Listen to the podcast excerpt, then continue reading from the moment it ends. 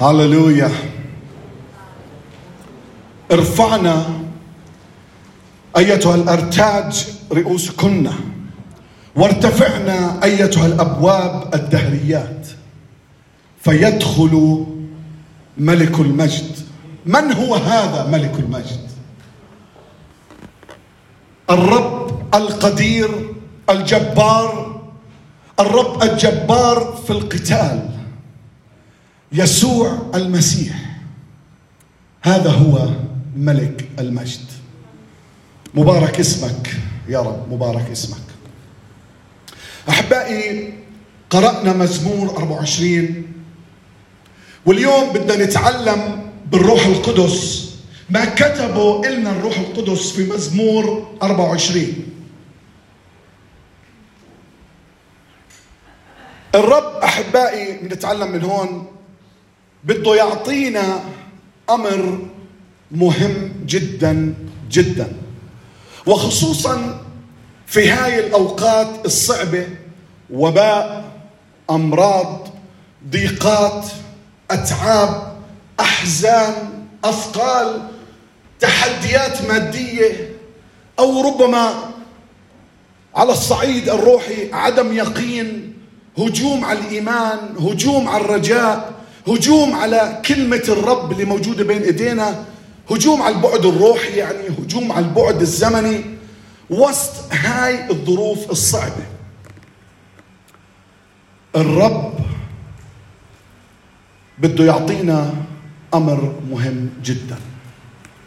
الرب أحبائي ما بحب وما بده يتركنا تعبانين.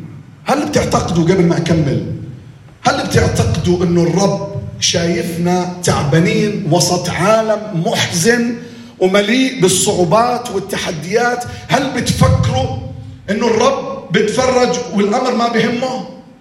بلاش أحكي بشكل عام خليني أحكي بشكل خاص. بجوز أنت اليوم عم بتمر بصعوبات وأنت سامعني هلأ.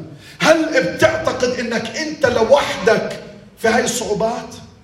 إذا اليوم عدو النفوس قاعد عم بفهمك إنك أنت لحالك وسط هاي الصعوبات وإنه كلمة الرب هاي كلمة انتهت.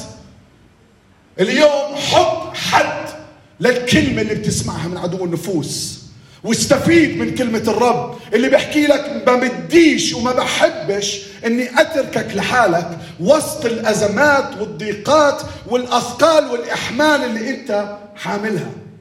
الرب قال تعالوا إلي جميع المتعبين وثقلي الأحمال.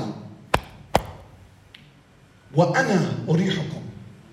إذا أنا الإنسان بقدر أعمل لك هيك وإلى حد ما أقدر أفهم باللي أنا عملت لك إياه. ما بالك الرب القدير العظيم الأمين اللي لما بيحكي لك تعال إلي وأنا بريحك؟ مش ممكن. إنه يدير وجهه عنك. مش ممكن. اليوم أحبائي وسط هاي الظروف الصعبة. الرب ما بحب وما بده يترك عدونا يتمكن منا ويتركنا تحت سلطان هذا العالم. وسط الهجوم الصعب اللي عم بيصير اتأكد اليوم إنه الرب مهتم فيك. اتأكد إنه الرب اليوم بده يحل مشاكلك. اتأكد إنه الرب اليوم بده يدخل على حياتك. اتأكد إنه الرب جاي عليك بمجد غير عادي حتى يعمل معجزات ويعمل حلول لأصعب الأمور اللي أنت قاعد بتواجهها بحياتك. أحبائي الحياة صعبة وإحنا مثل ما حكينا قبل شوي بحاجة لإله قوي إنه نمشي جنبه يكون سندنا وسط هاي الحياة الصعبة من غير وجود إله بحب إله رحيم إله بنعم إله بحسن إله بعطي خير. إله بيجي بقوة وبيجي بجبروت وبيجي بمجد من غير هذا الإله صعب إنه نقدر نستمر أو مستحيل إنه نقدر نستمر في هاي الدنيا. الرب أحبائي مثل ما قرأنا بمزمور 24 بده يدخل علينا بمجده بده يدخل علينا بقدرته. بده يدخل علينا بجبروته مكتوب فيدخل ملك المجد الرب القدير الجبار الرب الجبار في القتال. الوحي هون كتب لنا أمور ضروري ننتبه لها روحيا ولغويا ونشوف إنه الوحي كتب لنا إنه الرب الممجد القدير الجبار هو اللي بده يدخل على حياتنا. ضروري ننتبه إنه الصفات اللي قاعد عم بذكرها الكتاب المقدس مش عشان أقرأها وأضل ماشي عنها لكن لما أقول رب المجد بده يجي على حياتي أتخيل كيف الرب بده يجيب هذا المجد على حياتي. لما أتخيل أو لما أقرأ إنه الرب القدير بده يدخل على حياتي عشان أتذكر إنه الرب بده يجي علي بقدرته. لما بشوف إنه الرب الجبار بده يدخل علي على حياتي عشان أشوف إنه بالرغم من الضعف اللي أنا فيه وبالرغم من الألم اللي أنا فيه إلا وأنه الرب الجبار بده يدخل بجبروته على حياتي. هللويا. الرب بنفسه أحبائي بده يعمل هيك. مكتوب بأشعياء 31 وعدد خمسة مكتوب كطيور مرفة هكذا يحامي رب الجنود عن أورشليم. يحامي فينقذ يعفو فينجي. أحبائي الرب من اللي قرأناه هلا بده يكون إلنا المحامي وبنفس الوقت يكون إلنا القاضي. هللويا. لكن أحبائي من أجل أنه الرب يجي علينا وعلى حياتنا ويعمل هاي الأمور ويتدخل بالتحديات اللي قاعدين عم نواجهها. هناك دعوة. هناك دعوة جدية بدعونا إياها الرب. الرب أحبائي في عنده مبادئ. الرب في عنده قوانين. عشان الرب يطبق هاي الأمور في قواعد هو وضعها وهو بيمشي عليها. الرب عم بيحكي لك في الأعداد الثانية بالفقرة الثانية من أعداد ستة لعشرة لآخر المزمور عم بحكي لك قديش إنه هو بده يجي عليك بمجد ويقاتل عنك ويحميك في هذا العالم. وأكيد إحنا متفقين إنه كل واحد فينا بحاجة إنه الرب يتدخل في حياته بحاجة إنه الرب يتدخل في شغله بحاجة إنه الرب يتدخل في أولاده. بحاجة إنه الرب يتدخل في صحته بحاجة إنه الرب يتدخل بحاضره بحاجة إنه الرب يتدخل في مستقبله بحاجة إنه الرب يتدخل في عيلته في كل أمر من أمور حياته حتى في الماضي بحاجة إنه الرب يتدخل في آثار الماضي اللي على حياتنا. والرب أول واحد هو اللي بيعرف إنه إحنا بحاجة. لكن مرة ثانية بدنا نرجع للأعداد اللي قبل نفتح الباب حتى يدخل ملك المجد بدنا نرجع لورا شوي. ونشوف من أعداد من عدد ثلاثة. نشوف إنه في دعوة مثل ما حكيت قبل شوي الرب قاعد عم بقدمها لأنه هو عنده مبادئ وأساسات بده يقدم هاي الدعوة إلنا عشان نتجاوب عشان يدخل علينا بمجد. وقوة وجبروت.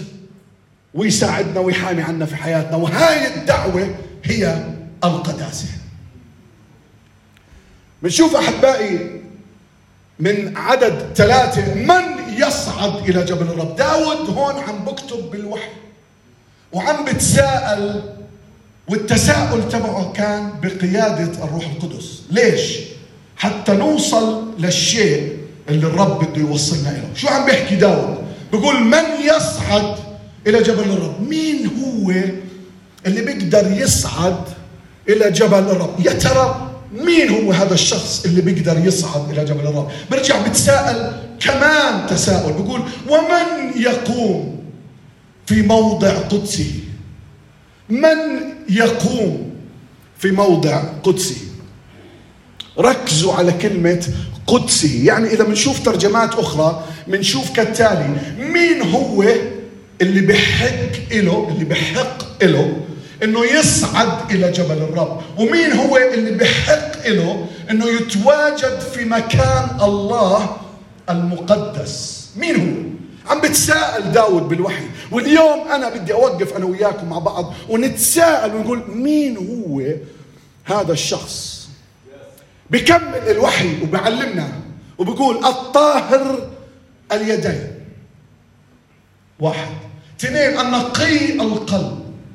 ثلاثة الذي لم يحمل نفسه إلى الباطل. أربعة ولا حلف كذبا. إذا بناخذ هيك شوية دقيقة بنشوف مين هم هدول الناس. بنشوف إنه الطاهر الإيدين. أحبائي كل شيء الإنسان بيعمله بيعمله بإيديه. عشان هيك الإنسان اللي عنده إيدين طاهرة وكل شيء بيعمله بيعمله بطهارة وبيعمله بنظافة وبيعمله بنزاهة هذا هذا الشخص اللي سالك بالقداسة. النقي القلب ما ننسى إنه النقي القلب مثل ما تعلمنا هو الشخص اللي بيحمل صفات مثل صفات الله. هذا هو نقي القلب. عشان هيك مكتوب في متى خمسة ثمانية لأنه النقي هو اللي صفاته بتشبه صفات الله. عشان هيك مكتوب بمتى خمسة عدد ثمانية بقول طوبى يعني نيال. طوبى نيال يعني خلينا نحكي نيال. نيال أنقياء القلب. ليش؟ لأنهم يشاهدون أو يعاينون الله. مين هو الشخص اللي بده اللي بيقدر إنه يعاين الله الشخص اللي عنده صفات مثل صفات الله اللي هو الشخص النقي القلب. عشان هيك لما بتساءل هون بالوحي بقول مين هو اللي بحق له يكون في جبل الرب مين هو اللي بيقدر يقوم في موضع قدسه الطاهر اليدين؟ النقي القلب اللي عنده صفات مثل صفاتي السلوك أحبائي في القداسة ثلاثة. الذي لم يحمل نفسه إلى الباطل. يعني ما في بحياته أي نوع باطل أي نوع إشي غلط هذا الشخص. ولا حلف كذبا يعني اللي ما بعطي وعود وكلام كاذب.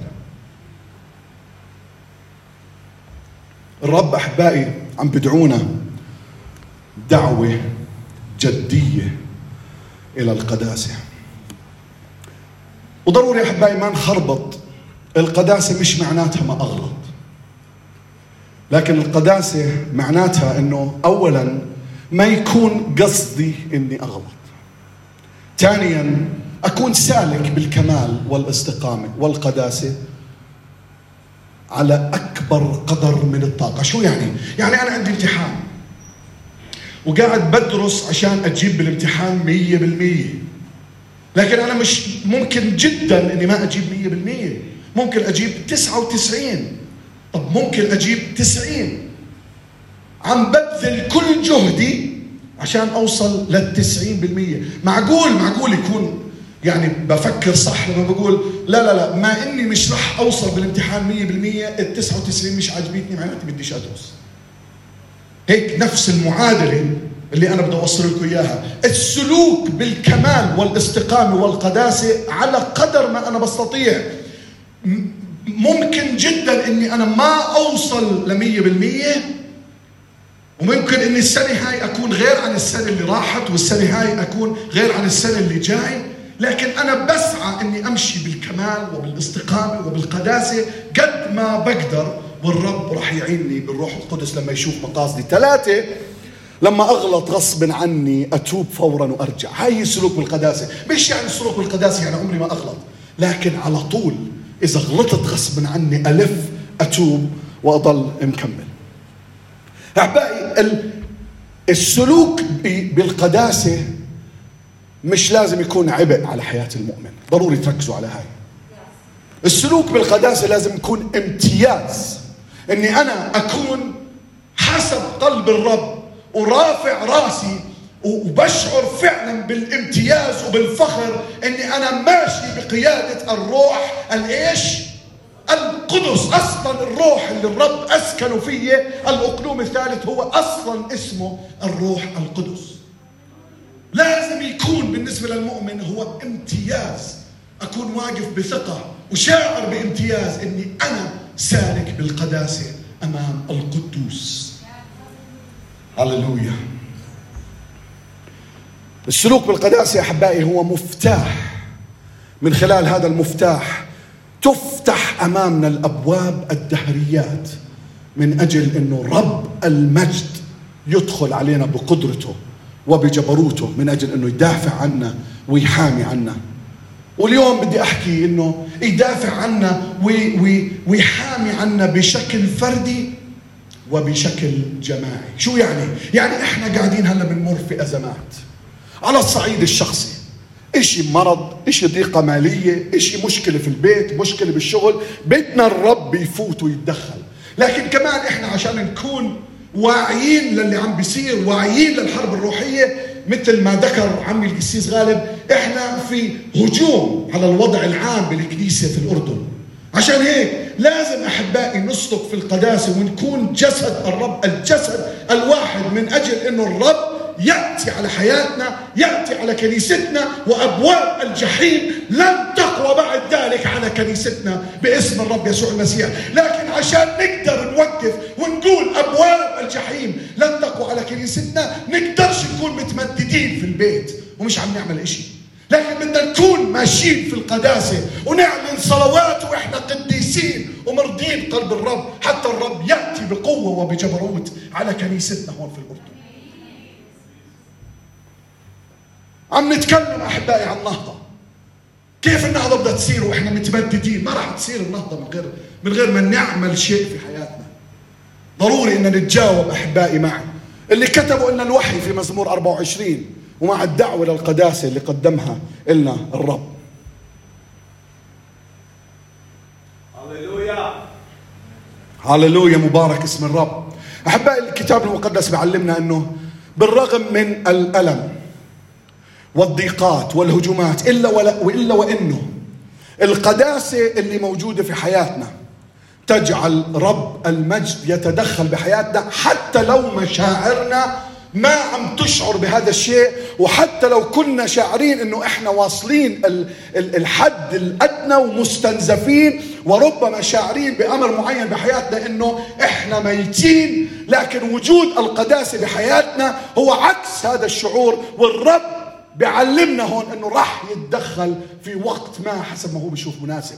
أحبائي نأخذ أمثلة غير حصرية. أيوب أيوب 31 وعدد واحد بيقول عهدا قطعت لعيني فكيف أتطلع في عذراء؟ قرر في يوم من الأيام أيوب إنه يسلك بالقداسة لدرجة إنه كان معتمد على روح الله يقوده وقطع عهد بينه وبين الله.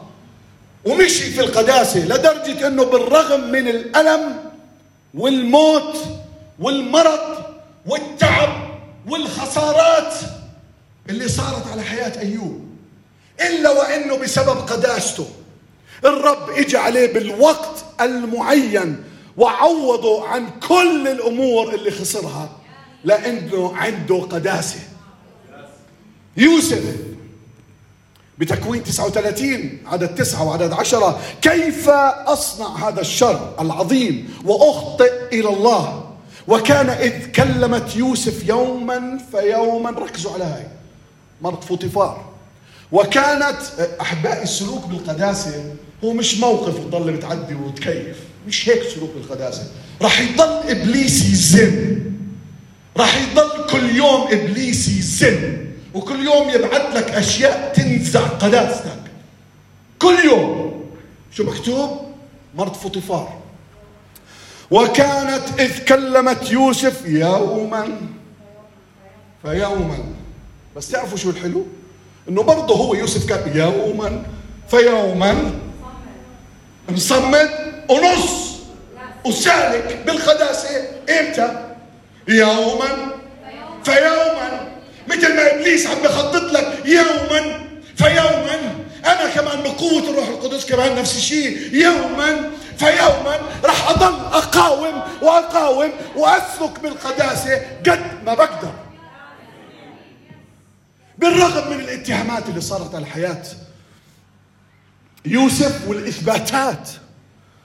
طبعا الخاطئة اللي أدت فيه إلى السجن إلا وإنه بسبب قداسته لم يستطيع السجن إنه يحتجزه أكثر من الفترة اللي قررها الرب. عشان هيك بالوقت المناسب قداسة يسوع قداسه يوسف حركت رب المجد وإجا وتمجد في حياته وطلعه من السجن. وشو زي ما مزمور 91 بيحكي أنقذك وأمجدك. أنقذه ومجده في كل مصر. واليوم إذا أنت قاعد عم تستنى وإذا أنت عم تواجه مشاكل قداستك راح تخلي رب المجد يجي إمتى؟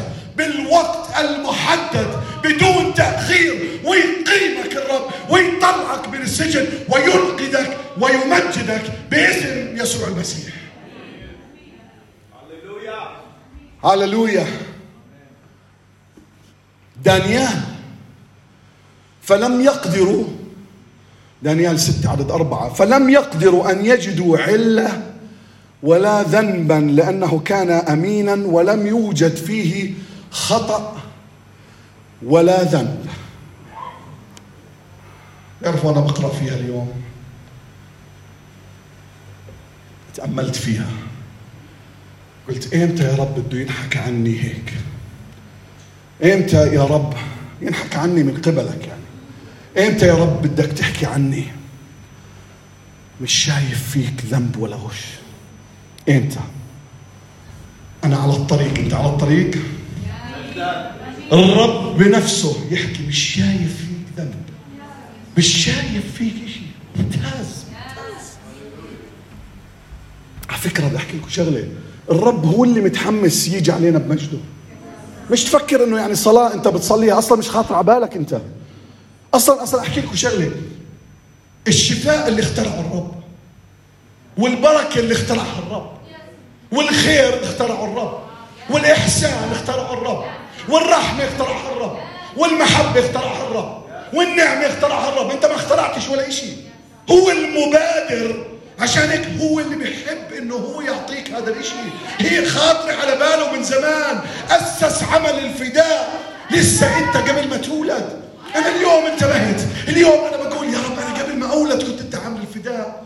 بعدين لما صرت أتأمل في حياتي صدقوني صرت لما أتأمل بحياتي شفت إنه المشاكل اللي مريت فيها والرب انتشلني فيها كان الحل موجود قبل ما اوقع بالمشكلة بس ما شفتها أكيد بصير معكم إلا لما تخلص المشكلة.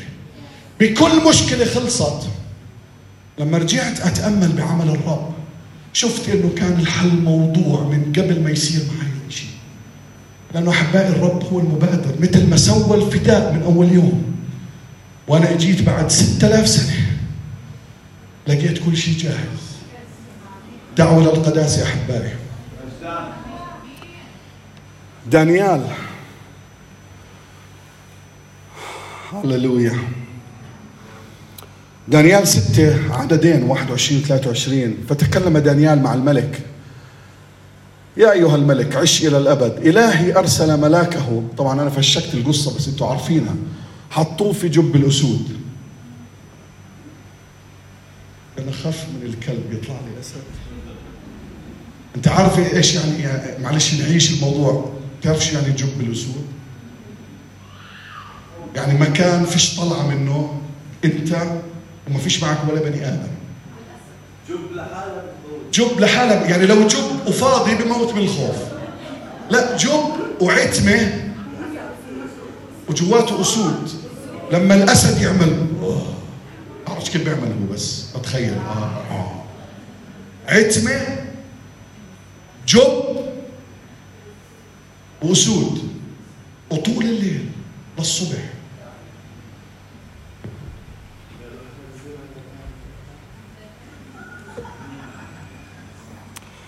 فتكلم دانيال مع الملك. يا أيها الملك شوفوا شوفوا شوفوا الثقة.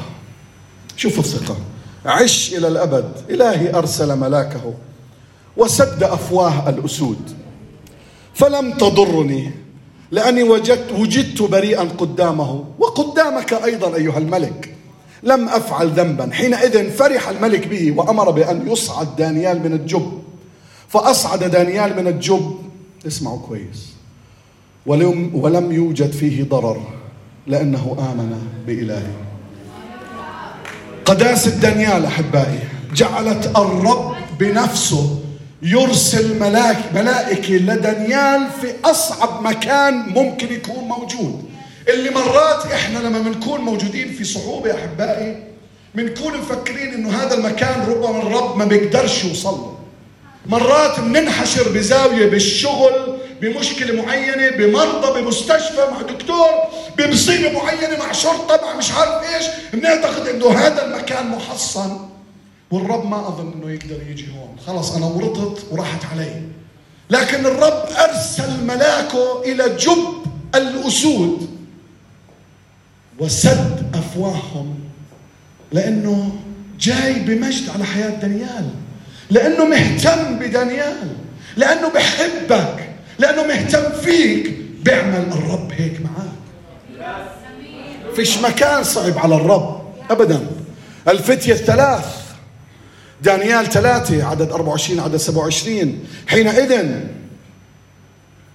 تحير نبوخذ نصر الملك وقام مسرعا فأجاب وقال لمشيريه ألم نلقي ثلاثة رجال موثوقين في وسط النار؟ فأجابوا وقالوا للملك صحيح أيها الملك. أجاب وقال ها أنا ناظر أربعة رجال محلولين يتمشون في وسط النار وما بهم ضرر ومنظر الرابع شبيه بابن الآلهة. هللويا. ثم على فكرة مين اللي عم بيحكي؟ العدو. مين اللي اجى قبل شوي سأل دانيال؟ العدو. الأعداء أحبائي بالوقت المعين راح يشوفوا عمل الرب بحياتنا. ثم اقترب نبوخذ إلى باب آتون النار المتقدة وأجاب فقال يا شدرخ وميشخ وعبدنغو يا عبيد الله العلي اخرجوا وتعالوا. فخرج شدرخ وميشخ وعبدنغو من وسط النار ولم تكن للنار قوة على أجسامهم مع إنه اللي رموهم في النار شو صار فيهم؟ ماتوا وهم بعاد من حم النار وهدول جوا النار شوفوا شو صار فيهم جوا النار؟ ولم تكن للنار قوة على أجسامهم وشعرة من رؤوسهم لم تحترق وشعرة من رأسك لن تحترق شعرة من رأسك لن تحترق. وسراويلهم لم تتغير ورائحة النار لم تأتي عليهم. لما الرب أحبائي بتدخل الرب ما بتدخل نص تدخل الرب بتدخل بقوة وبجبروت. قداسة الفتية الثلاثة جعلت رب المجد بنفسه يتواجد معهم في أصعب الظروف. يا رب أنا نار مولع فيا الرب يجيك. يا رب الظروف صعبة الرب يجيك. واللي أهم أحبائي من هذا كلياته وما حكيت كل الأمثلة إحنا بس عشان الوقت قدسية الرب يسوع. جعلت قوة القيامة تعمل معه ولم يستطيع القبر أن يحتجز يسوع أكثر من فجر يوم الأحد الصبح. هللويا. مكتوب بروميا واحد وعدد أربعة. وتعين ابن الله بقوة من جهة روح القداسة بالقيامة من الأموات يسوع المسيح ربنا. وبالنبوة انكتب عليه بمزمور 16 لأنك لن تترك نفسي في الهاوية لن تدع تقيك يرى فسادا. تقيك في الترجمة الأصلية لم تدع قدوسك يرى فسادا. قدسية الرب يسوع المسيح جعلت قوة القيامة تعمل في حياته.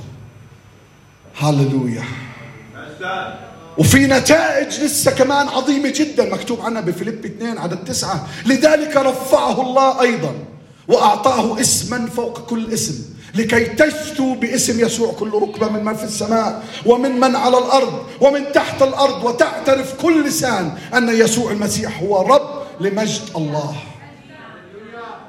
قدسية يسوع المسيح أحبائي هي اللي عملت القيامة وقوة القيامة في حياته. واليوم يا ريت يصير في عندك طموح وأنا متأكد إنه في تجاوب وراح يصير في طموح. وأنا اليوم بعلن إنه أنا عندي هذا الطموح الروحي إنه اسمي في يوم من الأيام ينذكر. عند الرب عند الرب ينذكر اسمي مع الأسماء اللي كان عندها قداسة والرب إجا وتمجد بحياتي.